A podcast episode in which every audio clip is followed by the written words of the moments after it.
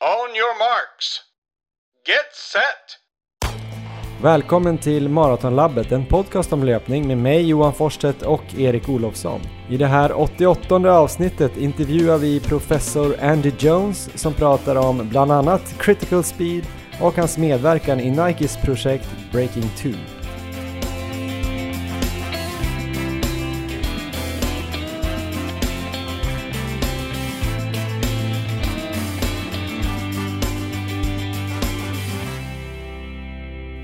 Ja, hej och välkomna allihopa ska ni alltså vara till avsnitt 88 av Maratonlabbet. Eh, lite senare i det här avsnittet ska vi prata med professor Andy Jones, eller Andrew Jones som hans mamma och pappa döpte honom till. Han har jobbat både med eh, Breaking 2-projektet med Nike och Paula Radcliffe under större delen av hennes karriär, så det här kommer bli jätteintressant. Men först, Erik, det här är också intressant. Hur mår du? Jag mår bra Johan. Det är bara fint här. Hur är läget själv då? Jag såg dig här igår på en bild på sociala medier och då var du iklädd ett sånt här elegant svart munskydd. Jag tror du befann dig någonstans i Östeuropa och du var omgiven av så smala pappersfigurer. Vad, vad har du berättat om det? De såg bara smala ut för att jag var tjock på bilden där. De var okay. jättestora egentligen de här pappfigurerna. Nej men jag har varit ute och flugit faktiskt för eh, första gången sedan eh, årsskiftet. Så jag har varit på en resa utanför Sverige och flugit. Jag har varit med Djurgårdens fotbollslag herrar som har spelat en kvalmatch till Champions League i Budapest, Ungern.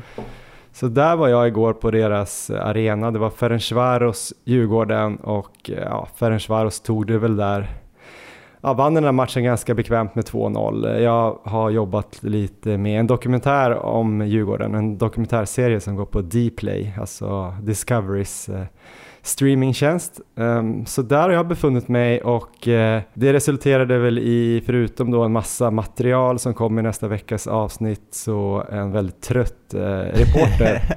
uh, vi kom hem klockan fyra i natt så jag är lite sliten, så om jag använder fel ord här så är det för att jag är mer eh, disträ än vanligt eller någonting. Ja, men det är bra, bra att veta det. Jag såg att du fick in eh, fyra kilometer löpning tror jag, någon av dagarna där i Budapest. Vart det något mer sen? Eh, nej, alltså tisdagen hann jag inte göra någonting. Vi åkte ner på tisdag förmiddag och då var det bara jobb hela dagen.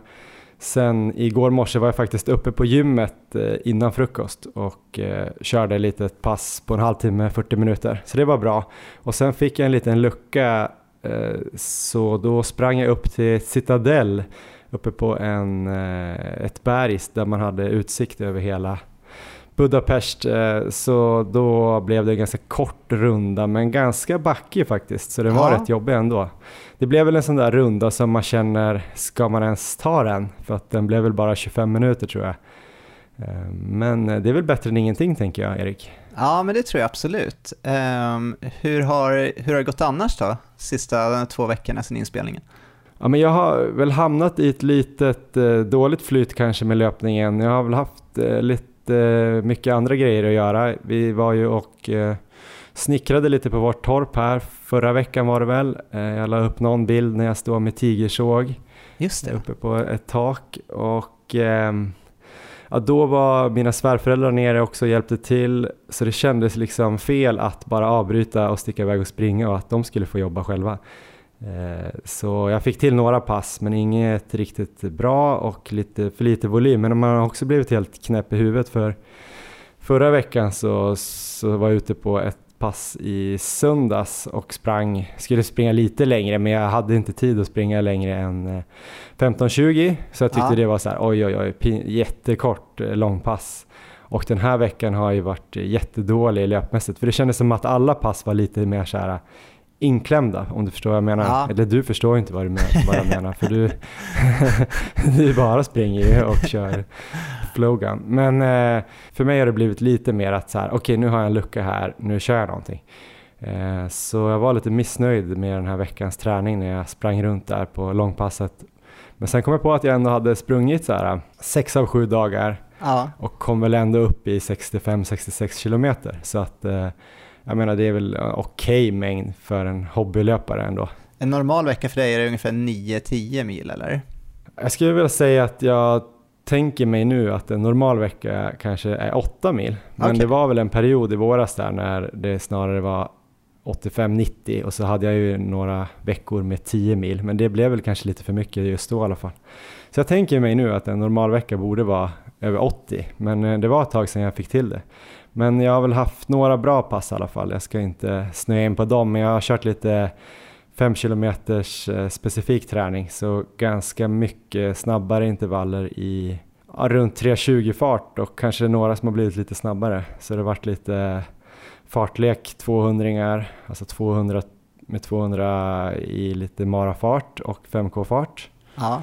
Och sen lite så 10 gånger 400 med 200 meters joggvila och eh, så körde jag 600 häromdagen. Så att jag försöker hitta någon sorts fart här inför sommarspelen som jag antagligen ska springa nästa vecka. Vi kanske återkommer till det senare i programmet. Men du då Erik, du har börjat din maraträning som jag förstår det. Hur går det för dig? Det har jag. Det går eh, ganska bra än så länge ska jag säga. Jag har gått ja. in alltså, i en specifik maraperiod nu på tio veckor och är uppe i andra veckan. Så förra veckan var riktigt bra. Den innehöll faktiskt tre kvalitetspass. De flesta veckor kommer jag försöka ligga på två pass och då kommer det vara baserat på någon form av marafartsintervaller samt ett långpass då med inslag av marafart. Mm. Och eh, det ser ju dessutom ut nu då som att det kommer kunna bli sån här gemensam maratonträning här i Uppsala, precis som det var i våras. Så det känns ju riktigt kul om det kommer igång, eh, så att man får köra några av de här hårda passen med bra sparring också. Men eh, om vi tar förra veckan då, så första kvalitetspasset så började jag med 3 gånger 5 km i marafart. Och då hamnade jag i 3.34 i snitt. Och jag ska försöka jobba upp det där passet mot att kanske komma upp i 5 gånger 5 km där, några veckor innan maran. Jag hade en ganska bra känsla på det passet. Sista femman var jobbig, men det var varmt, alltså det var ju 25 grader, så att det kändes ändå som en bra inledning. Eh, det har ju varit varmt eh, ja, varenda pass de sista två veckorna och eh, jag älskar ju sol och värme, men kanske mer att ligga nere i vattnet eller ligga på marken istället för att vara uppe och springa i de förhållandena. Min kropp fungerar inte så bra när det är varmt. Men, men det, var, det var en okej okay start. Sen hade jag slängt in... Men får jag fråga en sak bara snabbt innan du går vidare? 3.34 fart sa du, är det motsvarande 2 timmar och 30 minuter på maraton eller? Ja, för de som inte har alla de här kalkylatorerna framme. Ja, det är väl 3.33 tror jag som eh, motsvarar sub 2.30. Och vad körde du mellan eh, intervallerna där då? Eh, mellan så var det flytvila eh, och då ska vi ligga kanske en 30-35 sekunder långsammare än den farten, så någonstans kanske runt 4.05-4.10. Det är möjligt att jag hamnade lite långsammare än det också under det där passet. Okay. Ehm, men uh, det är den farten jag då kommer försöka träna på under den här 10 veckorsperioden. Någon slags 3.33 snitt och det är ju, alltså jag har lite så här ångest inför det här målet vad jag ska sätta. Uh, jag sprang ju på 2.38 här då i april var det väl. Mitt mål eh, när vi drog igång där i januari här med våra smala målsättningar, det var att jag skulle springa under 2.30 under det här året och då var ju tanken egentligen eh, Valencia Marathon. Det var väl i början av december. Eh, nu kommer ju maran komma tidigare så att den kommer ligga redan här i oktober då.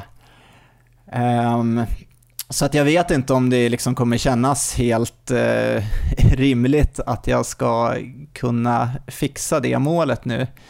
Eh, jag vet ju att jag kanske borde, eller jag borde definitivt ha gjort eh, lite snabbare tider på kortare distanser för att det skulle liksom kännas eh, riktigt greppbart, men jag är ändå sugen på att liksom ge det en chans och försöka träna för det här tempot, så att jag kommer nog lägga upp träningen nu framöver på det sättet i alla fall, att jag försöker bygga träningen kring en marafart på 3.33 och sen så får jag väl liksom ta det eftersom då, om jag känner där att det känns väldigt tufft med några veckor kvar till maran så får jag försöka revidera det målet kanske och lägga det lite långsammare. Men eh, jag har inte gett upp det här 2.30 målet helt utan det är, det är ändå någonstans det jag kommer försöka jobba mot här. Mm.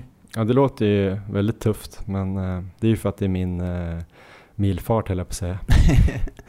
ja, men eh, sen har jag också lagt in eh, ett pass med eh, critical velocity. Då körde jag 6 gånger en kilometer. Jag körde progressivt, började väl någon slags 3.29 fart och jobbade ner mot 3.17 fart och sen så körde jag 6 gånger 30 sekunder strides efter det. De passen tror jag kommer vara givande att köra den här perioden också då och då. Så att jag kommer försöka liksom hitta, hitta någon lucka här och där när jag kan lägga in den typen av pass. Jag tror de kommer ge väldigt mycket också, även om det kommer vara fokus såklart på eh, längre intervaller i marafart. Sen så, det sista passet förra veckan var ett långpass när jag sprang 40 km och då sprang jag först tre mil i 4.30 fart eh, och då var vi ett gäng där på, vi började väl med sex stycken där. Ehm, det var Andreas McConville bland annat eh, och eh, Carolina Wikström var med i tre mil där. Det var två dagar efter hennes SM-start där på 10 000 så att hon hade ju inget av sina hårdare långpass utan ett lugnt långpass. Men sen så körde jag och Andreas där på slutet och var tanken att vi skulle köra två gånger fyra kilometer efter de här första mm. tre milen. Och det gjorde vi på den här tänkta Marabanan som kommer vara i Uppsala då den 18 oktober. Så då eh, Eh, fick jag prova på den också. Och det var en väldigt varm dag så att jag kände, det kändes väldigt bra i tre mil men jag anade väl att när den här fartökningen skulle komma att det skulle bli ganska tufft och det blev det också. Så de här fyra kilometerna hamnade vi i 3.38 snitt och då kände jag på slutet där att det här var ändå väldigt slitigt så att den andra fyran då som jag hade tänkt som till och med skulle gå lite snabbare den eh, stod jag över så att Andreas fick köra den själv där och den körde väl han i någon 3.17 fart tror jag. Så det, det gick undan där.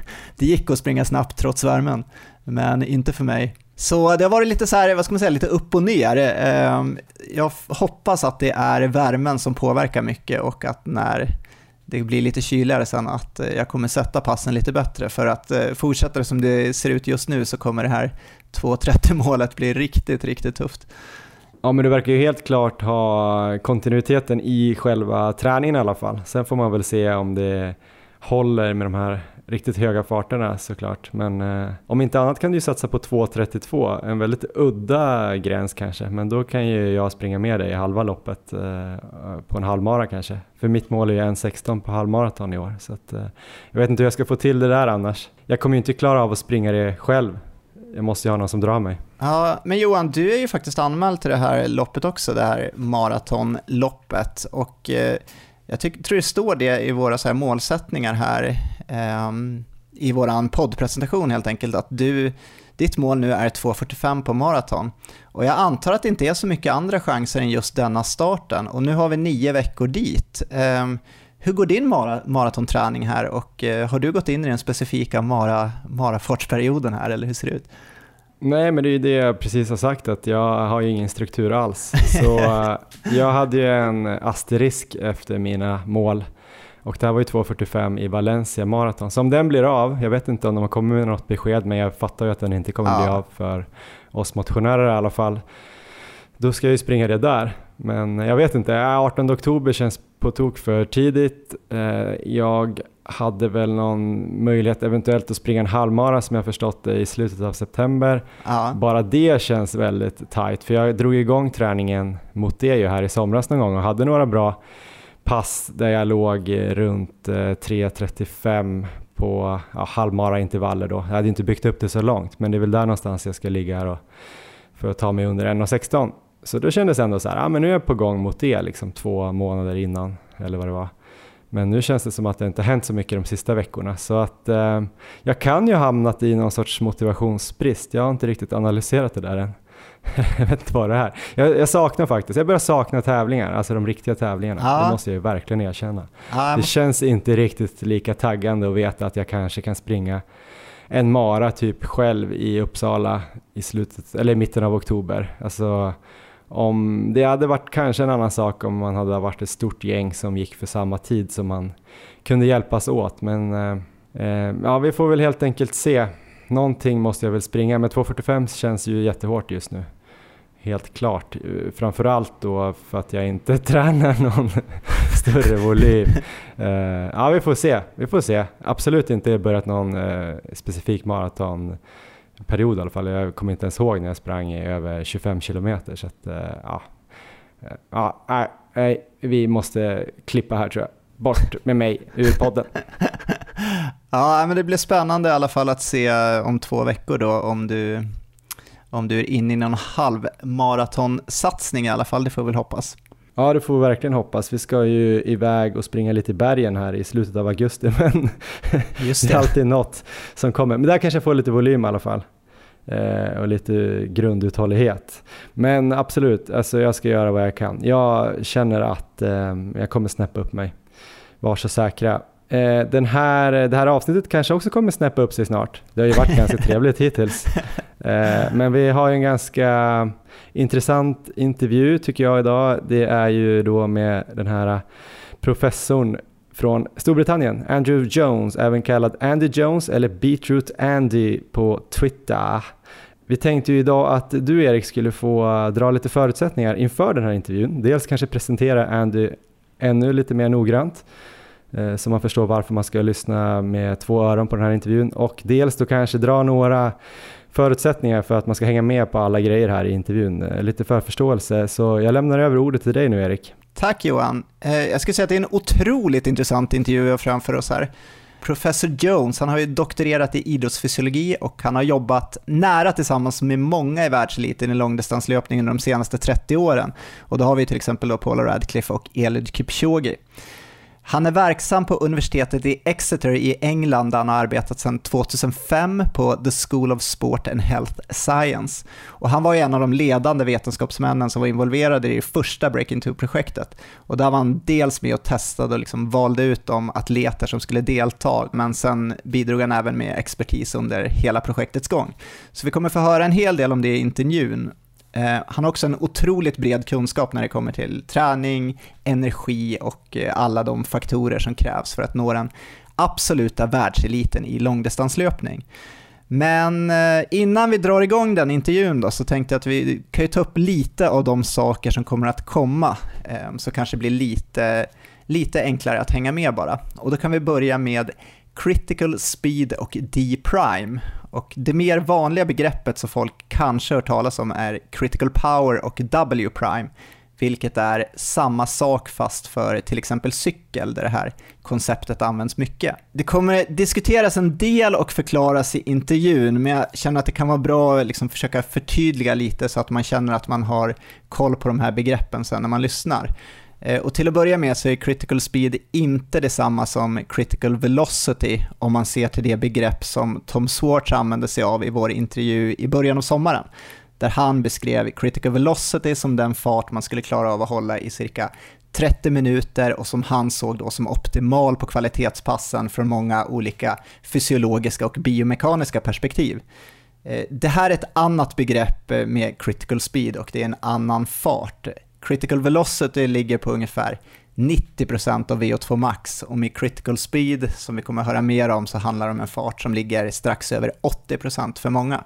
Men jag kommer försöka ge mig på ett eget exempel här för att försöka förenkla synen på begreppen som man kan ha med sig in i intervjun sen om man vill. Jag vet inte om det kommer göra det enklare, men vi, vi provar. När jag var liten och eh, spelade tv-spel så fanns det en del spel där man liksom sprang runt och skulle göra uppdrag om man kunde stöta på fiender på vägen. Och då hade man ofta en sån här rektangulär grön box som visade hur mycket liv man hade kvar. Har du något exempel Johan, vilket eh, spel det här skulle kunna vara?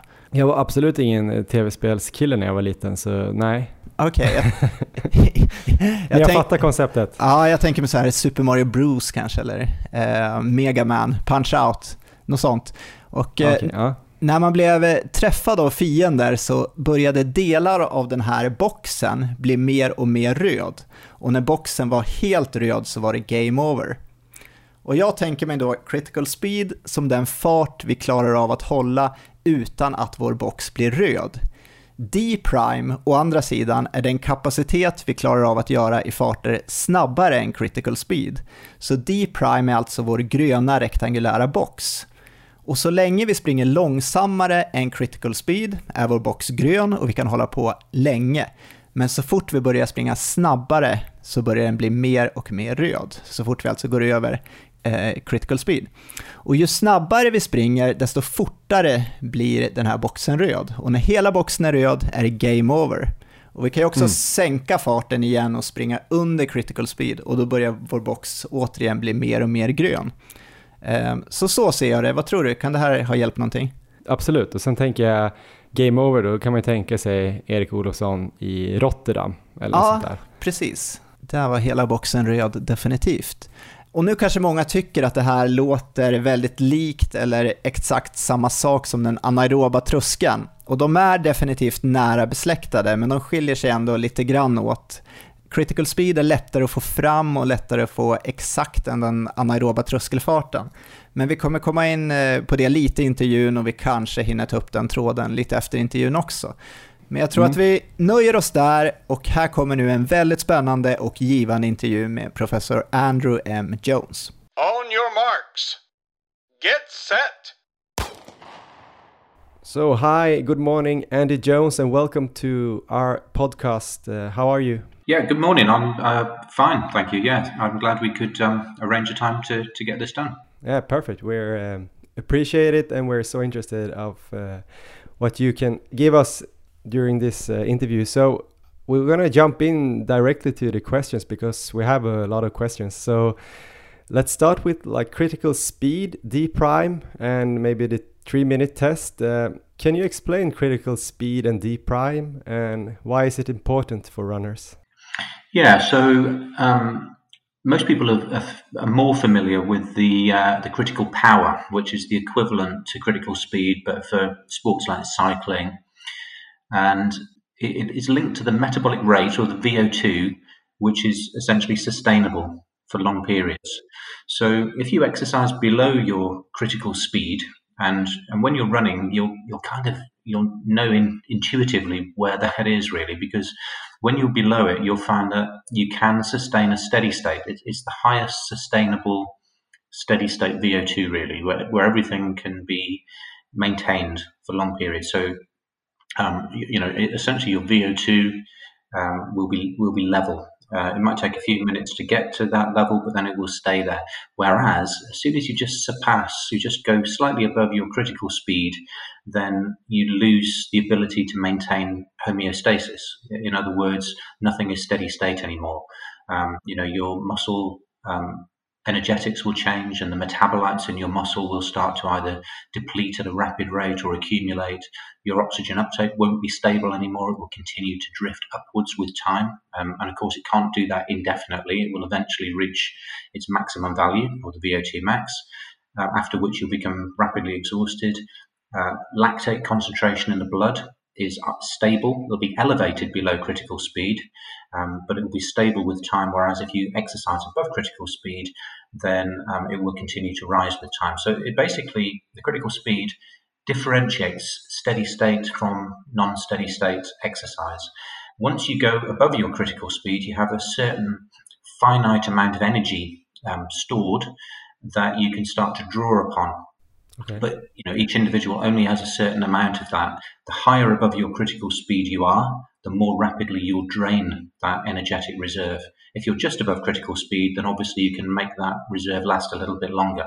But basically, as soon as that D prime has become um, exhausted, then you will either need to stop or certainly you'll need to uh, slow down. You'll have to reduce your speed until you're back below your critical speed in, in order that you can replenish and that energetic store and, and, recover and start to feel better again. I, would like to think of three different domains of exercise intensity. So if you're below your lactate threshold, that's one um, exercise intensity. You can call it moderate if you like, you could call it easy running. If you're above your first lactate threshold but still below your critical speed, okay. that's that's then in the heavy domain um, and you're starting to get certainly in the steady, um, steady running, but towards tempo type work. And then once you're above critical speed, that's a whole different domain again. Yep. And if we think about it in terms of lactate concentration, if you're below lactate threshold, then your lactate concentration is very similar to what it is at rest.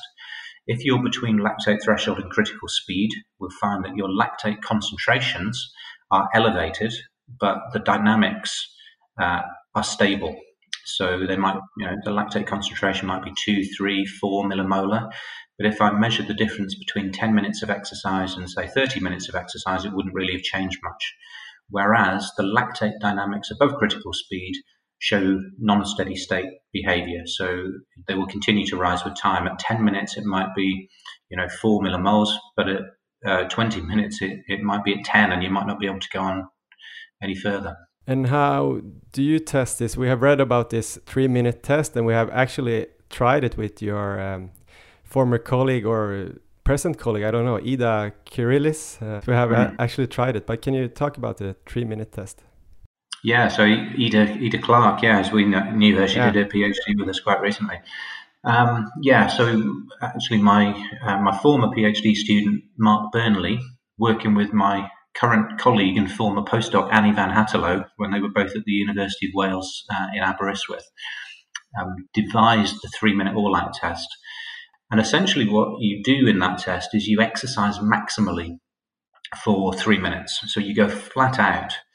Um, so just run as hard as you can. Don't pace yourself. Sprint, sprint, sprint. And it's absolutely horrific as it sounds. Um, you know, once you get to 70 seconds, you feel like you, you're drowning because you just simply can't ventilate hard enough to, to meet the demand. Um, but eventually, if you if you map power on a bike or speed, if you're on a on a running track or treadmill, you'll find that it um, gradually falls as you'd expect. But between two and a half minutes and three minutes, it levels out. And interestingly, the speed or, or the power that it levels out at gives a very good approximation of the critical speed.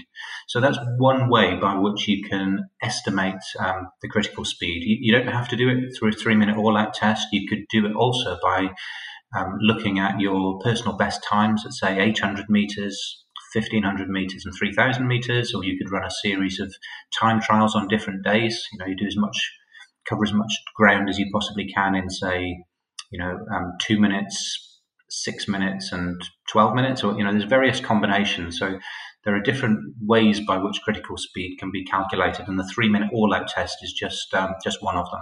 Obviously, the advantage is that it's uh, it can be done in in just three minutes. Yeah. The disadvantage is that it's a really hard three minutes. it is. But if you know your maybe your 3k, 5k, and take 10k time, how do you then calculate the critical? It's, it's quite difficult to explain um, verbally. Really, I mean, I would go with slightly shorter distances because. Okay. You know the the trials need to be within that severe intensity domain. They all have to be above your critical speed.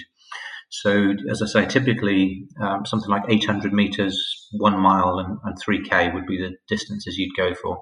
But if you know the, um, I mean, essentially it's the speed time relationship. So if you, you plot speed against time, yeah.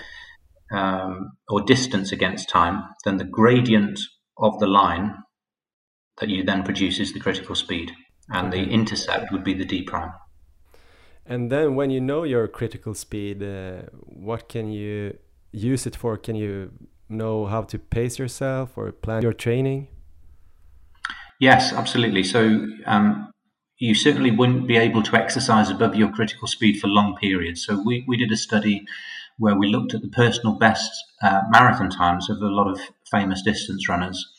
And what you find is that they're able to sustain, on average, 96% of their critical speed, which obviously makes a lot of sense. So, you know, they, they know where that critical speed is, and I operate just below it uh, for that period. And you've got to be very careful in long distance events that you don't inadvertently, if you like, go above your your critical speed. Um, I mean, sometimes tactically it's necessary to do so, and clearly in the final sprint finish, then you would do it. But you have to be careful because if you go above critical speed, then um, you know your, your muscles start to rely more on anaerobic um, metabolism. So you'll find that your phosphocreatine levels in your muscle fall, uh, lactate production goes up, so pH in the muscle falls. Inorganic phosphate in the muscle, which we know is related to fatigue, goes up. Lactate in the blood goes up, um, and you're on this sort of uh, spiral of fatigue, if you will, and, and your oxygen uptake won't stabilize. And you use your glycogen more rapidly as well. Mm. Um, and glycogen is obviously really important as a fuel source for long distance exercise. Yeah. But you say like the elite runners can maintain 96% uh, approximately of the critical speed. And if you look into amateurs, is it like a big difference of the percentage? Yeah, it would be would be lower than that, and yeah, um, you have to think about it in terms of duration rather than distance, probably. So if you've got rather than a you know a two-hour elite marathon runner, you might have a two-hour um, recreational half marathon runner, and yeah. the same sort of relationship might hold there. But I'm sure your your listeners will be familiar um, with that feeling, and they might think of it as lactate threshold. And you know, so in some senses, we're splitting hairs here a bit. But if you're if you're running along and um, maybe you're running in a group and you go off a little bit quicker, somebody somebody puts in a, a burst and you you go with them. Um, and you'll be conscious from your ventilation as much as anything else from your breathing that this is suddenly a, a speed that isn't sustainable. Yeah. Um, you'll know that you know you can only carry this on for another few minutes. So you you have to take the decision either to continue, or if you're a bit more sensible, go hang on a minute. If this is a you know a six mile run today, I'm not going to be able to sustain this speed for that whole distance. So I'm going to have to let that guy go, and I'm going to slow down a bit below my critical speed and it will be a, a, more comfortable type of a run. You know, th- that said, critical speed is important to. I'm not saying never run above your critical speed. Clearly, you should. And when you do interval training, yeah. Um, then running above your critical speed in the hard efforts and recovering below it is exactly what you want to do because that may be one way by which you can increase your critical speed over time. So, you know, clearly the person with the highest critical speed is the one who will be able to operate comfortably at a, at a higher absolute speed in a race. And so, one of the goals of training is to increase that critical speed to a high level as possible. Yeah. And if we talk about the marathon, how does like the glycogen levels affect the changes uh, in the critical speed during a marathon? Yes, uh, well, that hadn't been looked at um, until Ida Clark's PhD, really. So, one of the things that Ida did was to to look at well, we did it on a cycloergometer, but the, the lessons I think still pertain to running. Yeah. Um, so we did a three minute all out test in a fresh condition, but we also had um, subjects exercise for up to two hours in the lab, and at certain periods within um, within that two hours, we would stop stop them doing the submaximal exercise and ask them to do a three minute test. So I think we did it after 40 minutes, an hour and 20 minutes, and, and two hours. So, uh, and obviously using the three minute test, that enables you to assess critical power and, and see how and if it's affected by long duration exercise and, and how D is, is affected as well. And indeed, we, we showed that it, it does, it drops with time. So um, that's one novel um, aspect of, of, what we discovered there is that just because your critical speed is a certain you know, it has a certain value on the start line, you can't assume that it's going to stay there for the entire duration of your race. It will actually deteriorate with time. So, how do you stop it deteriorating? Um, well, it seems to be related to your efficiency. So, if you start to use more oxygen than is than is ideal for the particular um, work rate, then your critical speed will inevitably fall. So, one thing that's uh, difficult to prevent when you're exercising, of course, is, is a depletion of your muscle glycogen store. So that's the carbohydrate um, storage form in your muscles. And when you exercise aerobically, you have to use a combination of both fat and carbohydrate. And the faster you go, the more of the carbohydrate you use. So that's the glycogen in your muscles. And if we measure the muscle glycogen content before and after exercise, we find that it goes down quite a lot. Now, the only way you can stop that occurring is to take carbohydrate in while you exercise, and, and clearly that would typically be in the form of, um, you know, sports drinks and, and gels and such like. So, um, typically we aim for around 60 grams of carbohydrate per hour. Yeah. And, and in one of our studies, when we fed our subjects um, 60 grams of carbohydrate per hour, then muscle glycogen didn't fall to quite the same extent, and critical power or critical speed didn't fall quite as uh, quite as dramatically either. So that's the lesson there is that you know during training, during long distance competition, your critical speed is likely to fall with time. That will impact your performance, and one way by which you can uh, you know, ameliorate that um, that decline is to ensure that your carbohydrate intake during the race is adequate. Then I actually have a, a follow-up question about the fueling. When when should you start uh, taking in energy during a marathon? Should you start before the race even, or should you wait until uh, 30 minutes in, or what's your suggestion? Well, I think you need to start the race with, with very high levels of muscle glycogen if you can. So the reason or the way by, by which you achieve that is that you taper your training down over the last few days before a big race and you ensure that you've got uh, a high carbohydrate content of your diet. Yep. Um, and what we find then is that your muscles will sort of soak up that carbohydrate and you'll have a very high muscle glycogen uh, store on the start line. And actually, you might feel a little bit um, heavy and lethargic as a consequence of that. But you know, fear not; it it will um, be to your advantage in the a little bit later in the race.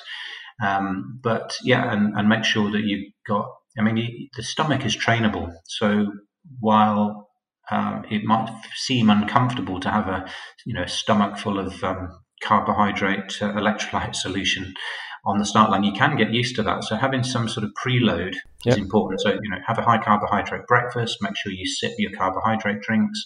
Um, make sure you've got sufficient fluid in your system just before you start. You don't want it sloshing around, but um, you know, there's no reason why you couldn't take a few hundred mils half an hour before you're due to go, and then take whatever opportunity you get. You don't want to leave it too late. You know, some people don't feel thirsty. They don't think they feel that it, the energy that they need the energy um, in those early early miles because they're still you know, full of um, full of spring. But uh, if yeah, you know, you do need to try to get that 60 grams or so of hour um, per hour of carbohydrate in, and, and that does mean that every time you get a feeding station, you need to uh, to get the appropriate hit So um, yeah, you know, have a have a feeding strategy um, before you start, and then try to stick to it religiously as the race unfolds. I have one more fueling um, question that I can take now. Uh, your Twitter name is Andy Beetroot, and yeah. as a marathoner, you have read a lot. You read a lot about nitrate and stuff like that, and a lot of Swedish runners I know use this uh, beetroot like beat it shots mm -hmm. uh, before the marathon. Uh, what do you think about uh, the beetroot use and nitrate? Yeah, I, am obviously I've obviously got a vested interest in it, haven't I, with a Twitter name like that. Uh, yeah, I, I, think it can can be beneficial, but it isn't beneficial for everybody. So, you know, like like all of these putative ergogenic aids, whether it's sodium bicarbonate or beta alanine or creatine or caffeine, you know, people respond differently. So, um, I, I do think it's worth exploring. Um, I would say that the, the more elite you are, certainly as an endurance athlete, the less likely you are to benefit because the way dietary nitrate works is that it's converted in the body eventually um, into a uh, molecule called nitric oxide. And you know, most people, most elite, athletes will have found ways by which they can you know, have already optimized their nitric oxide production. So the, the more aerobically fit you are, the less likely you are to benefit. But if your VO2 max is below, let's say, 60 mils per kilogram per minute, or you're a slightly older runner like I am nowadays, then having a boost to nitric oxide production through that nitrate, nitrite, nitric oxide pathway would be um, potentially useful. The other thing is that it appears that uh, nitrate may be, may be more um, advantageous during shorter events. So it may not necessarily be optimal for the um, for the marathon. But that said, you know there are plenty of athletes, as you as you intimated there, that do think that um, it's beneficial for them, and, and, that includes Eliud Kipchoge. So who's going to, you know, he's he's used um, beetroot juice, I think, before all of his major marathons in the last eight years or so. So big believer. So is it beneficial to all distances uh, below marathon? Like, uh, is it even how how far down, as if you can say so? Well, see, originally our studies indicated that the um, if you take dietary nitrate, then the exercise economy or efficiency is improved. So, if you're running at a certain speed, the amount of oxygen that you need to take in to support running at that speed is a little bit lower. So you've become metabolically um, more efficient. So if your running economy is improved, then your endurance should be improved. So our original observations suggested to us that endurance exercise would be most sort of beneficially impacted. Um, but over the last probably three to five years, there have been quite a few studies which have shown that now, this would be a completely different mechanism, but it looks as if nitrate can also benefit muscle contractile function. Okay. So you know your your speed, your power, you know your strength could also be improved as well. So that suggests that um, you know sprinters, multiple sprint sport people, um, even weight trainers, you know, might benefit as well. So and, and the reason is that um, you know nitric oxide plays such a massive role in so many processes in the body. And not only does it affect mitochondrial respiration potentially, but it also influences um, calcium handling in the muscle, and that, and that's um, important for, if you like, the strength of the muscle contraction. Yeah.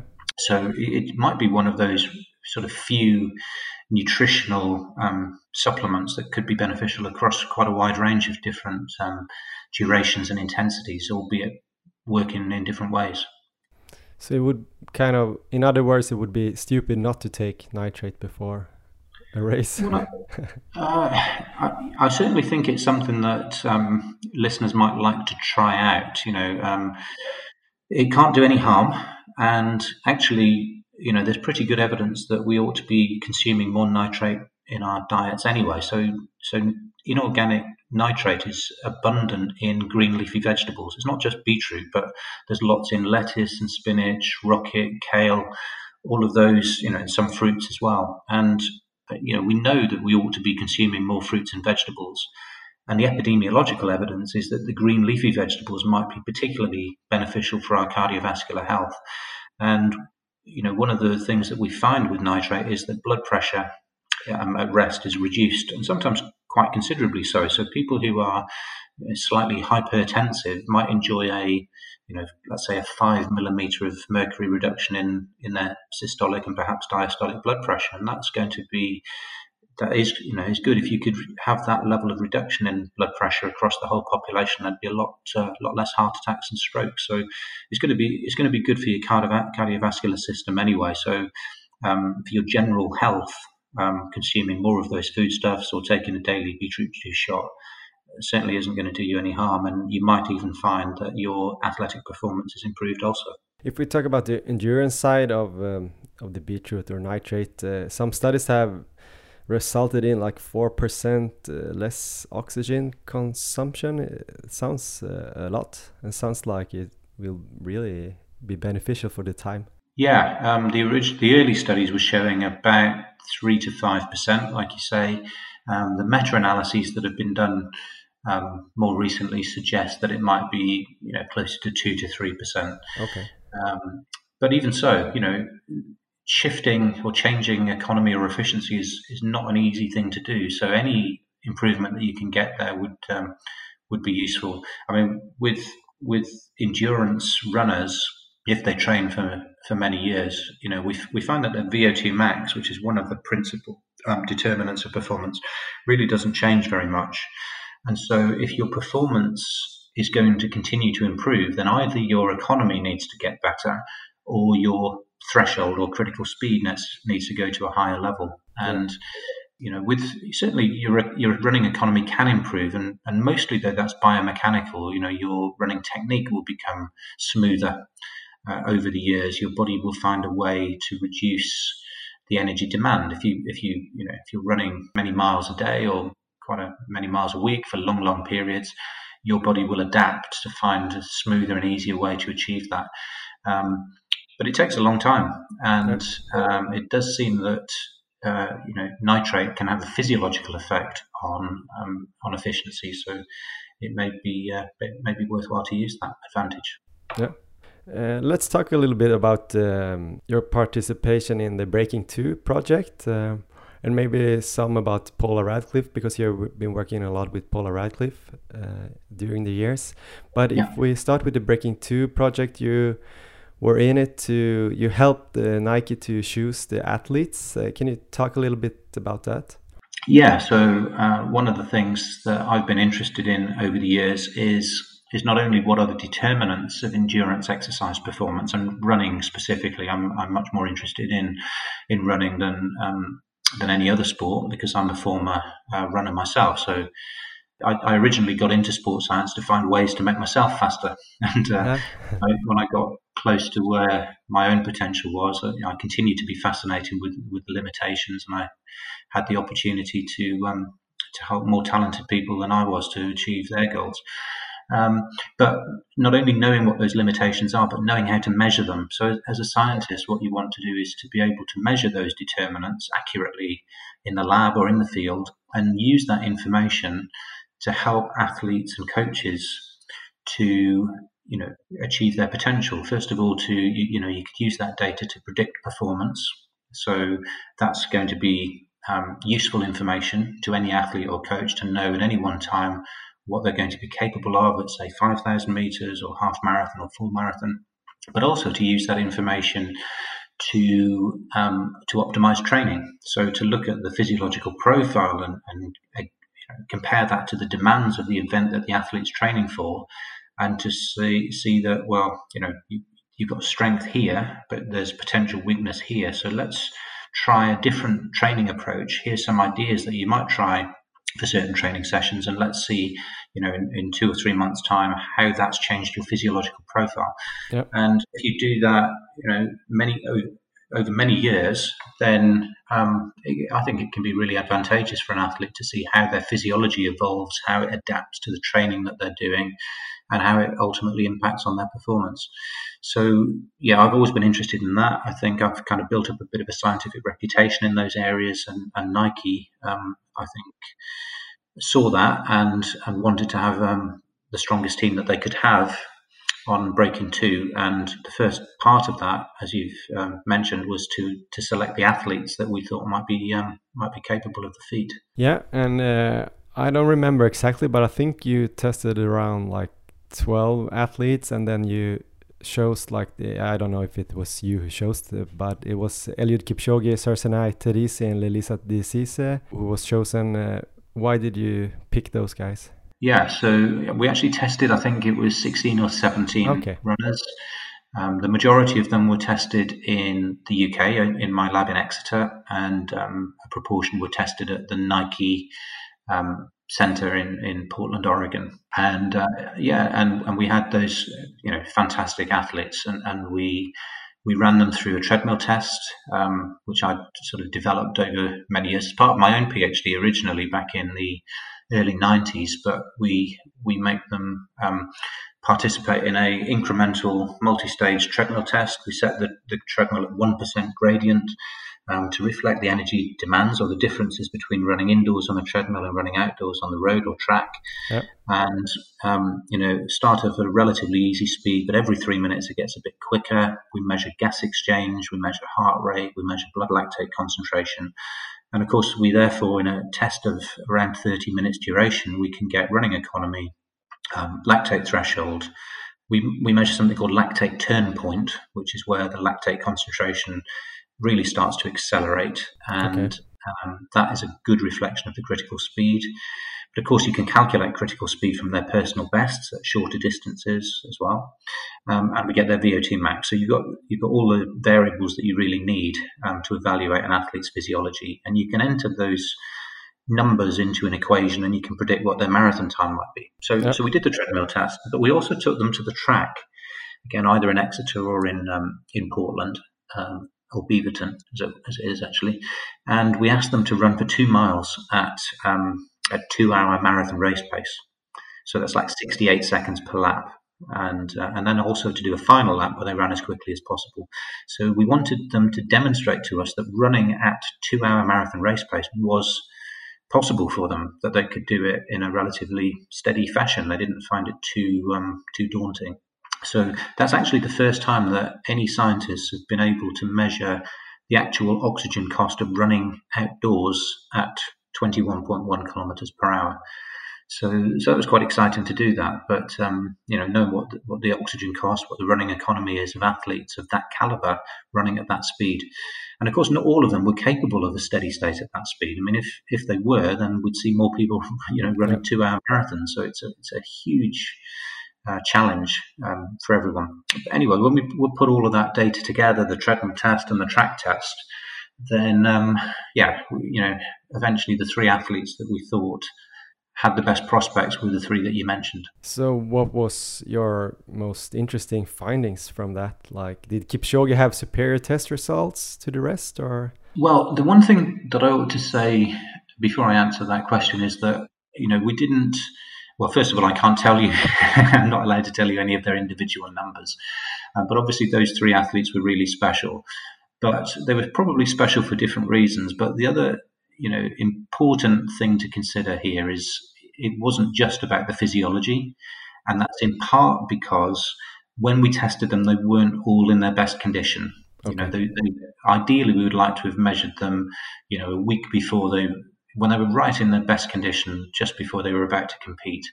But we weren't able to do that. You know, some of them um, weren't had run a marathon a few weeks ago. Others were in an off season, so it, it wasn't a fair comparison in a sense because things like economy don't change very much, but things like lactate threshold can change a lot according to the type of um, uh, training that a person's done over the last several weeks. So, so we took that into account, but we also were interested in their their performances as well. You know, if we we could have found somebody that had sublime physiology but had never run a great marathon, and you, you must be suspicious then about why that's the case. But we also wanted athletes and you know athlete coaching teams really that were excited about the prospect. You know, who who actually were um, were believers who who actually were going to commit to this project and, and were excited by the possibility that it could be them that achieves this incredible um, achievement. So yeah, it was, a, it was a whole bunch of things that went into the selection process. So, but to answer your question directly, Kipchoge, uh, when we tested him, he, you know, certainly had very impressive numbers, but he wasn't necessarily at that time the number one on, on all of the variables that you might want to to okay. look at. But that doesn't mean to say that I don't think he he he would have had the best numbers. You know, when he's in his absolute prime, then my suspicion is that not only is he psychologically probably the superior athlete, but physiologically, I think he's the supreme athlete as well. It's just that when we measured him, he wasn't in his best condition. What did you, as a scientist, learn from Breaking Two? And has there been uh, any new research coming out from that project? Um, well, we, we do have a, a, scientific paper in review at the moment, which just reports some of the numbers of the athletes that we tested, very okay. you know anonymously. But we've we're reporting the VO2 max values, the lactate threshold, the running economy indoors and out, that kind of thing.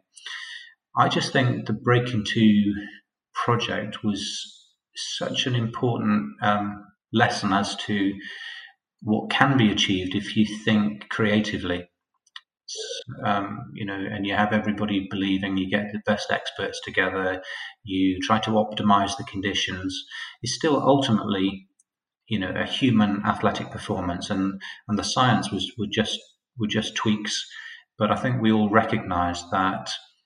Um, the sorts of times that athletes like Eliud could run in a major city marathon were always going to be slower than what they were physically capable of if you gave them a good track.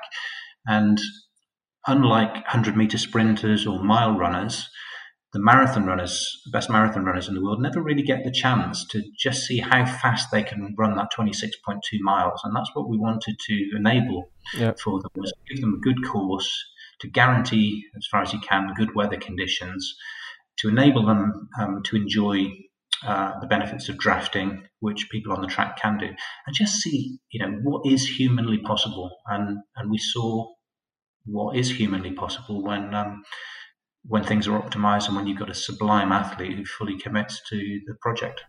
Okay, so you told me you can't give me any numbers of the tests, but uh, approximately how high VO2 uh, you need to do sub two hour marathon? Well, you you've absolutely you've absolutely got no chance if your VO2 max isn't over seventy. Okay. Um, up to a point, the, the higher it is, the better. I mean, I think realistically, you'd need it to be 75 and above. Um, but if it was 80 to 85, then that would mean that you'd have more flexibility in your running economy and your lactate threshold values. Yeah.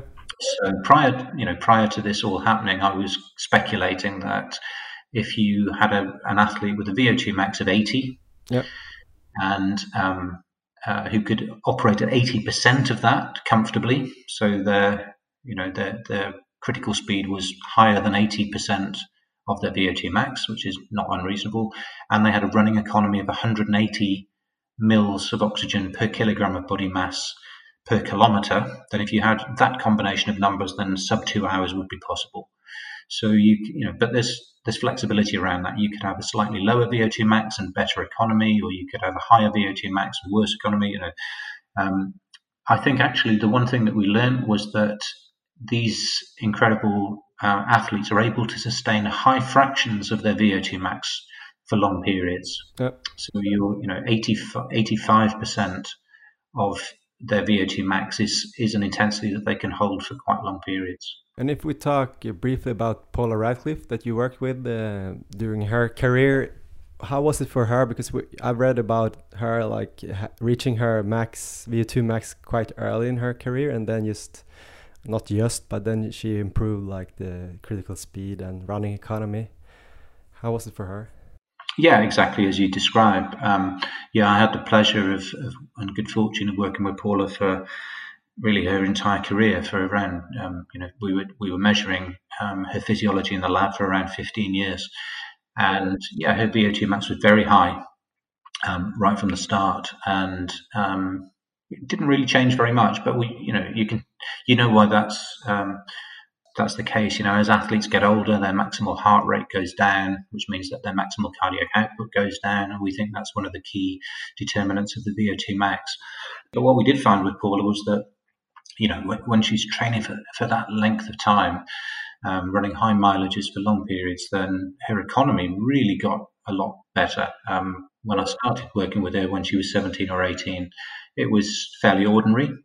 Um, again, as you'd expect, but but as she got a little bit older, accrued more training miles, um, then the amount of oxygen she required to run at those submaximal speeds went down and down and down, and she was probably one of the most economical athletes uh, that's ever been measured by the end of her career. And when you put together a very high VO2 max with extraordinary running economy yep. and the ability to exercise at a high fraction of the VO2 max, in other words, you know, high high lactate threshold, high critical speed, then um, then very fast times for the marathon are uh, are to be expected. And you know, when when I started working with Paula, it was obvious that ultimately her best distance would be the marathon. But you don't want an 18 year old to start running marathons straight away. You want them to have a long career, um, and it helps, I think, to have fast mile times and and so on. So she started on the track uh, 3,000 meters, 5,000 meters, um, and then you know, great cross country runner as well. And then finally took to the roads and, um, you know, and really excelled there and, and ran ex- extraordinary half marathon and marathon times. And uh, some of those times were, weren't surprising to me. Because, you know, they they were surprising to the world when she ran them because yeah. they were they were so much faster than anybody else had ever run before. But um, knowing Paula's physiology so well and having measured her just in some cases just a week before those major races, we knew, you know, Paula and I knew that she was capable of, let's say, 218 on her debut and then 217 the next time. And then, you know, we, you know, I, I thought she'd run 216 in uh, in London when she ran the 215.25. So it meant that she went into those races full of confidence, knowing that her physiology supported her being able to run world record times, and she just went out and delivered, which you know it doesn't detract from it because the, the pressure that you have on you when you know what you're capable. I mean, on the one hand, it gives you a great deal of confidence, but on the other, there's a lot more pressure on you because you you know what you're capable of, and if you fail to deliver that, then you're going to be disappointed. And how about her like pain threshold? Did did she manage more pain as well than other athletes? I mean, I, I don't want that sounds derogatory to to all the other athletes, but what I will say, I mean, Paula was definitely a really really tough athlete, and she demanded a lot out of herself. Um, sometimes to her own detriment, I, th- I think. You know, I think she she sometimes trained harder than she needed to. Um, she possibly pushed so hard that she ended up with injuries that she could have avoided. But you know, on the treadmill, the one thing that impressed me with Paula right from um, working when she was a young lady was was her ability to yeah to, to hurt herself. So you know, when you test people on a treadmill, you become adept at knowing when they've reached their limits, and so you start to make your final measurements. You think, okay, looking at her face, looking at her numbers. Maybe she's got another minute to go, so let's let's make our final suite of measurements. And um, invariably, she would get through that minute, and then signal that she wanted to try for another minute. And I, I think, oh, you've got no, no chance you're going to do another minute, but she would. And she would keep going and it seemed would rather have gone off the back of the treadmill than voluntarily stopped. And later in her career, when she was um, the world record holder and she's running at 21 kilometers per hour on your treadmill, and you, you, you wow, you, what kind of responsibility is this? And you'd have to say, okay, Paula, I'm going to going to stop the test there. I'm sure you could have done another 10 seconds, but actually, as far as our measurements goes, it's really not necessary. So let's just just call it a day there. Do you have any idea how how the average runner can improve in these areas uh, to become more mentally strong and to be able to tolerate pain? Not really my specialist area, and you know, I, I think in the same way that physiology is somewhat genetic. Yeah. Um, well, uh, there are some clearly some aspects you can train there, but um, you're going to be limited eventually. I, I, I, don't know. I mean, people like Paula and Elliot have never had any psychological training. They just are innate. They have they have that inner belief. They have that mental toughness, etc.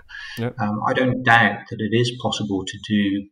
There are psychological strategies that could be employed to to help, um, but it probably is never going to be quite as good as as having it hardwired into you which those guys um, have. You know, a lot of elite athletes have that, but some probably have a little bit more than others. So, like, my last uh, question will be actually about you and your running career. You were a really good runner as a, as a youngster, uh, as you told us, but you never ran a marathon at that time, and now you're training for do a marathon uh, under three hours on a mm. quite limited amount of training, I would say. But what are the key elements, and how do you prepare? Yeah, uh, yeah. When I was running as a sort of teenager and uh, into my early twenties, I was I was running over much shorter distances. Although when I when I did run over 10k and half marathon, I recorded some fast times. Um, the reason that I decided to run marathons is that obviously you've you you can't end, you can't start a marathon without being really fit, and so you you have to commit to the training. And as I was getting into my late forties, and I'm now into my early fifties, it was a case of well, let's just try and you know commit to something that I can do every day that I, am I'm, I'm forced to do. Also, the, the advantage to doing a marathon is that I wasn't you know um, hindered by the fact that I'd already run a fast time in my earlier life. if, you yeah. run, if I was to run a 5K now, I'd be like, oh my God, that's, you know, even if I ran 17 something, it'd be so much slower than I ran 30 years ago. And you think, um, whereas with the marathon, it was a fresh slate. I'd never run a marathon, so I was bound to run a personal best. And uh, yeah, I'd had some ups and downs with it. A bit a bit like Paula, I tend to push too hard sometimes, and when you're when your body's a bit older, you just can't take the the hits anymore. So I've had to learn a lot about taking care of myself. Really, you know, you do need more easy days when you're a bit older. Um, you don't you need to just rein yourself in not get too carried away with things but as a sub three hour marathon runner what is the most important uh, in in your training or is it just to keep you not injured and, and healthy? I think it is partly that. Yeah, I think I think consistency is is really important. Um, I do think that that you know it's really the long run. Um. Have to train. I think most days. I, am a big believer in intensity and doing some interval training sessions and some tempos and all of that stuff. Having a wide variety of different sessions in a week. But in terms of specificity, you can't get away from the fact that being on your feet for three hours um, you know, it's a long time, and uh, you've got to practice that. So, so regular two-hour plus runs, yeah. I think, is is really important, and some of which has to be done at your anticipated marathon speed as well. So, yeah, there's no getting away from that. I'm, I'm afraid you have to, uh, you know, ruin nearly every weekend by spending most of it either running or recovering from running. Yeah. So the one thing, I mean, the one thing I learned from it actually, sorry, just um, I've just remembered is that psychologically the marathon is a tough event. So, as I mentioned, I was used. I'm used to running over middle distances or up to the half marathon, where you maybe in my case just not too much over an hour, and you can concentrate for that period, and you, and you can you're working hard. You know, you're you're um, you're breathing hard. Things are hurting, and you have to kind of embrace that pain a bit. When you're running a marathon, the first hour in particular is actually really quite easy. And it gets it gets kind of boring, and yet you have yeah. to find a way to occupy your mind for that first period. It does get hard later on, but going along at such an easy, relatively easy speed in that first period is, is kind of a bit alien to me, really. And um, learning how to occupy the mind when you're running longer but slower is something I've had to learn. It's easier for Eliud, who just uh, run for two hours. exactly. They've got it easy. Less concentration. Uh, thank you so much for participating in Marathon Labet, the Marathon Lab. Um, big thanks, Andy Jones. It was a pleasure. Thank you. Uh, thank you for asking me on. Ja, det där var alltså Andy Jones och eh, värt att nämna här var väl att jag utförde själva intervjun men att Erik, du skrev väl i princip 95% av frågorna bara så att inte jag får någon eventuell ära av det här. Jag eh, ser mig själv som en artist, likt Britney Spears, kanske inte på hennes topp, men eh, och du är lite mer Max Martin som skrev eh, låtarna eller några låtar. Typ så. Men nu kanske vi ska prata om intervjun istället. Erik, eh, du gillar ju den här och det är jag väldigt glad för eftersom jag var rädd att jag skulle ja. screwa upp allting eh, som du hade förberett här. Men eh, vad kände du, eller vad är intressant här tycker du? Ja, verkligen. Ja, men du, som vanligt tycker jag du gjorde ett fantastiskt jobb här i intervjun. Och eh, fick, fick ju med eh, i princip allt jag hade velat. Eh, det som möjligen, som jag hade en liten så här plan på förhand att vi skulle försöka få fram var ju Kipchoges testresultat. Och jag misstänkte ju att han inte fick berätta den, för jag har lyssnat på väldigt många poddar med Ander tidigare och aldrig liksom hört några specifika resultat. Jag har dock lyckats leta fram Sir Tadeses tidigare testresultat. Han var ju också en av de som sprang där i Breaking 2 som vi hörde. Och han har i alla fall mätts upp till 83 eh, på V2 Max och okay. 150 i löpekonomi tror jag. Eh, så jag tänkte att en så här rak jämförelse mellan de båda skulle kunna ge en bra bild. Men eh, om jag tolkar Ander rätt här och till exempel vad Ida Kyrilis har sagt i tidigare intervjuer så verkar ju åtminstone inte Kipchoges uppmätta resultat vara eh, bättre än de andra utan mer på troligen ungefär samma nivå. Eh, jag tror faktiskt Decisa var den som hade bäst löpekonomi har jag läst och eh, även om inte han så här, presterade på topp under Breaking 2 så har han ju senare gått vidare och dels vunnit New York Marathon och sen tog han även VM-guld i Doha förra året i, i det här varma loppet. Ehm, så de valen de gjorde här med sina atleter var ju eh, uppenbarligen så här bra val. Men det känns också som eh, både i intervjun och när man har läst om det här tidigare så även om han inte vill säga exakta siffror så känns det också som att kanske inte att Kipchoge gjorde ett så toppen, toppen test eftersom det var off-season. Alltså ja, det låter absolut. lite så, så att uh, de kanske inte var så extremt uh, imponerande. Men att han var extremt imponerande när han väl utförde både det här första 2.00.25 på Monza och ja, ja. antagligen ännu bättre då såklart när han klarade det Eh, Breaking 2000. Ja, och det värdet som jag tror kanske skiljer mest där, det är väl just eh, tröskelvärdet skulle jag gissa, att det är där det kan skilja mest då från off-season till season. V8 Max tror jag inte gör så stor skillnad och löpekonomi som vi hörde i intervjun ska inte heller skilja sig så mycket från off-season till season. Eh, men det kommer ju alltså snart ut en studie om just detta och där låter det som att eh, alla de här statsen kommer vara med som de fick fram där i Breaking 2. Så de kommer, de kommer alltså inte nämna vem som är vem, eh, men det kommer ju vara spännande oavsett att läsa liksom vilken nivå de här atleterna verkligen ligger på. Eh, när det gäller labbresultat då. Och det som jag tycker känns mest intressant inför det är ju kanske se hur deras critical speed förändras under ett maraton. Om det är stor skillnad mellan de olika atleterna just från början då och sen så när de kanske har sprungit eh, tre mil och liksom den sista biten, hur deras critical speed ser ut då. Men sen mm. kommer vi även då få ut VO2 max, löpekonomi och tröskelvärden där. Så det man kan göra då om man tycker det här låter intressant är att man följer at Andy Beatroot på Twitter, för där lägger han upp då när studien publiceras och han lägger upp massa andra intressanta artiklar också där. Så att det, det kan vara värt att följa. Mm, verkligen. Eh, men jag tänkte Johan, är du intresserad av att höra några av de högsta VO2 max-värden som har eh, uppmätts hos elitidrottare? Ja, om jag får gissa på eh, att det var en norsk cyklist, en ung norsk cyklist som har ett av de högsta värdena. Fantastiskt. Stämmer det? Ja, kan du nämna namnet så är jag otroligt imponerad.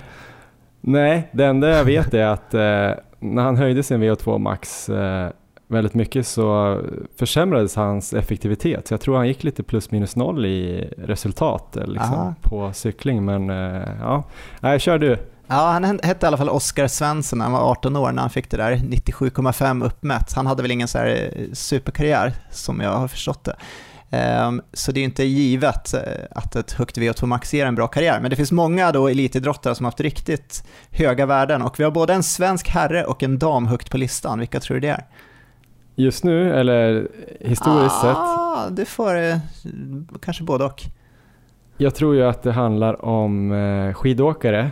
Kanske ja. Gunde kanske är med. Gunde är rätt. Och ja, jag vet inte eh, om de har kommit några nyare Alltså om det har kommit några nyare siffror här så skulle jag ju tänka mig att typ en sån här som Frida Karlsson har ganska bra med ja. tanke på lättheten i kroppen och eh, hur extremt eh, vältränad de verkar vara.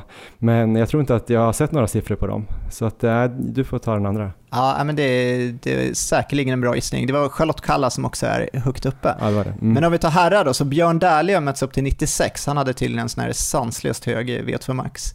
Andra intressanta namn är Kilian Jorné 92, Gunde Svan då 91 och tar vi lite mer löpbaserat så har vi ju Marius Backen 87 och Steve Prefontaine 84, så alla de har ju väldigt höga värden. Eh, mm. På damsidan, Joan Benoit som vann OS-guld i maraton 1984 i det här eh, legendariska loppet där Grete Weitz var tvåa. Hon har mätts upp alltså till 78,6 vilket är otroligt högt. Eh, Charlotte Kalla då 74, Marit Björgen 72 och sen så fick vi höra om Paula Radcliffe här i intervjun. Och hon låg på ungefär 70 genom hela karriären, så det kan ju vara en intressant siffra att ha med sig. Men sen behöver man ju inte stirra sig liksom blind på VO2 max, för Paula Radcliffe då som pikade sin VO2 max tidigt under karriären blev ju sedan bara bättre och bättre trots detta. Och då handlar det ju mer om saker som förbättrad löpekonomi som kan göra betydligt större skillnad. Så jag tror inte man liksom ska bli jätteledsen om man går och gör tester och sen så visar det sig att man har en förhållandevis låg VO2 max kanske. Nej, för det är väl ganska välkänt att det är svårt att ha både hög V2 max och eh, hög löpekonomi och jättehög anaerob tröskel, i alla fall eh, ha bäst i alla de här boxarna. För att ja. eh, då skulle vi ha sett eh, ännu snabbare tider än det här som Kipchoge gjorde. Men eh, jag tyckte det som var intressant på Andy Jones var ju också att eh, för att springa under två timmar så var inte det det krävdes ju inget jättehögt VO2 max om jag kommer ihåg det från Nej. intervjun. Var det 75 eller så? Ja, minst 75 och sen så 80 till 85 då så ökade ju chanserna markant. Ja.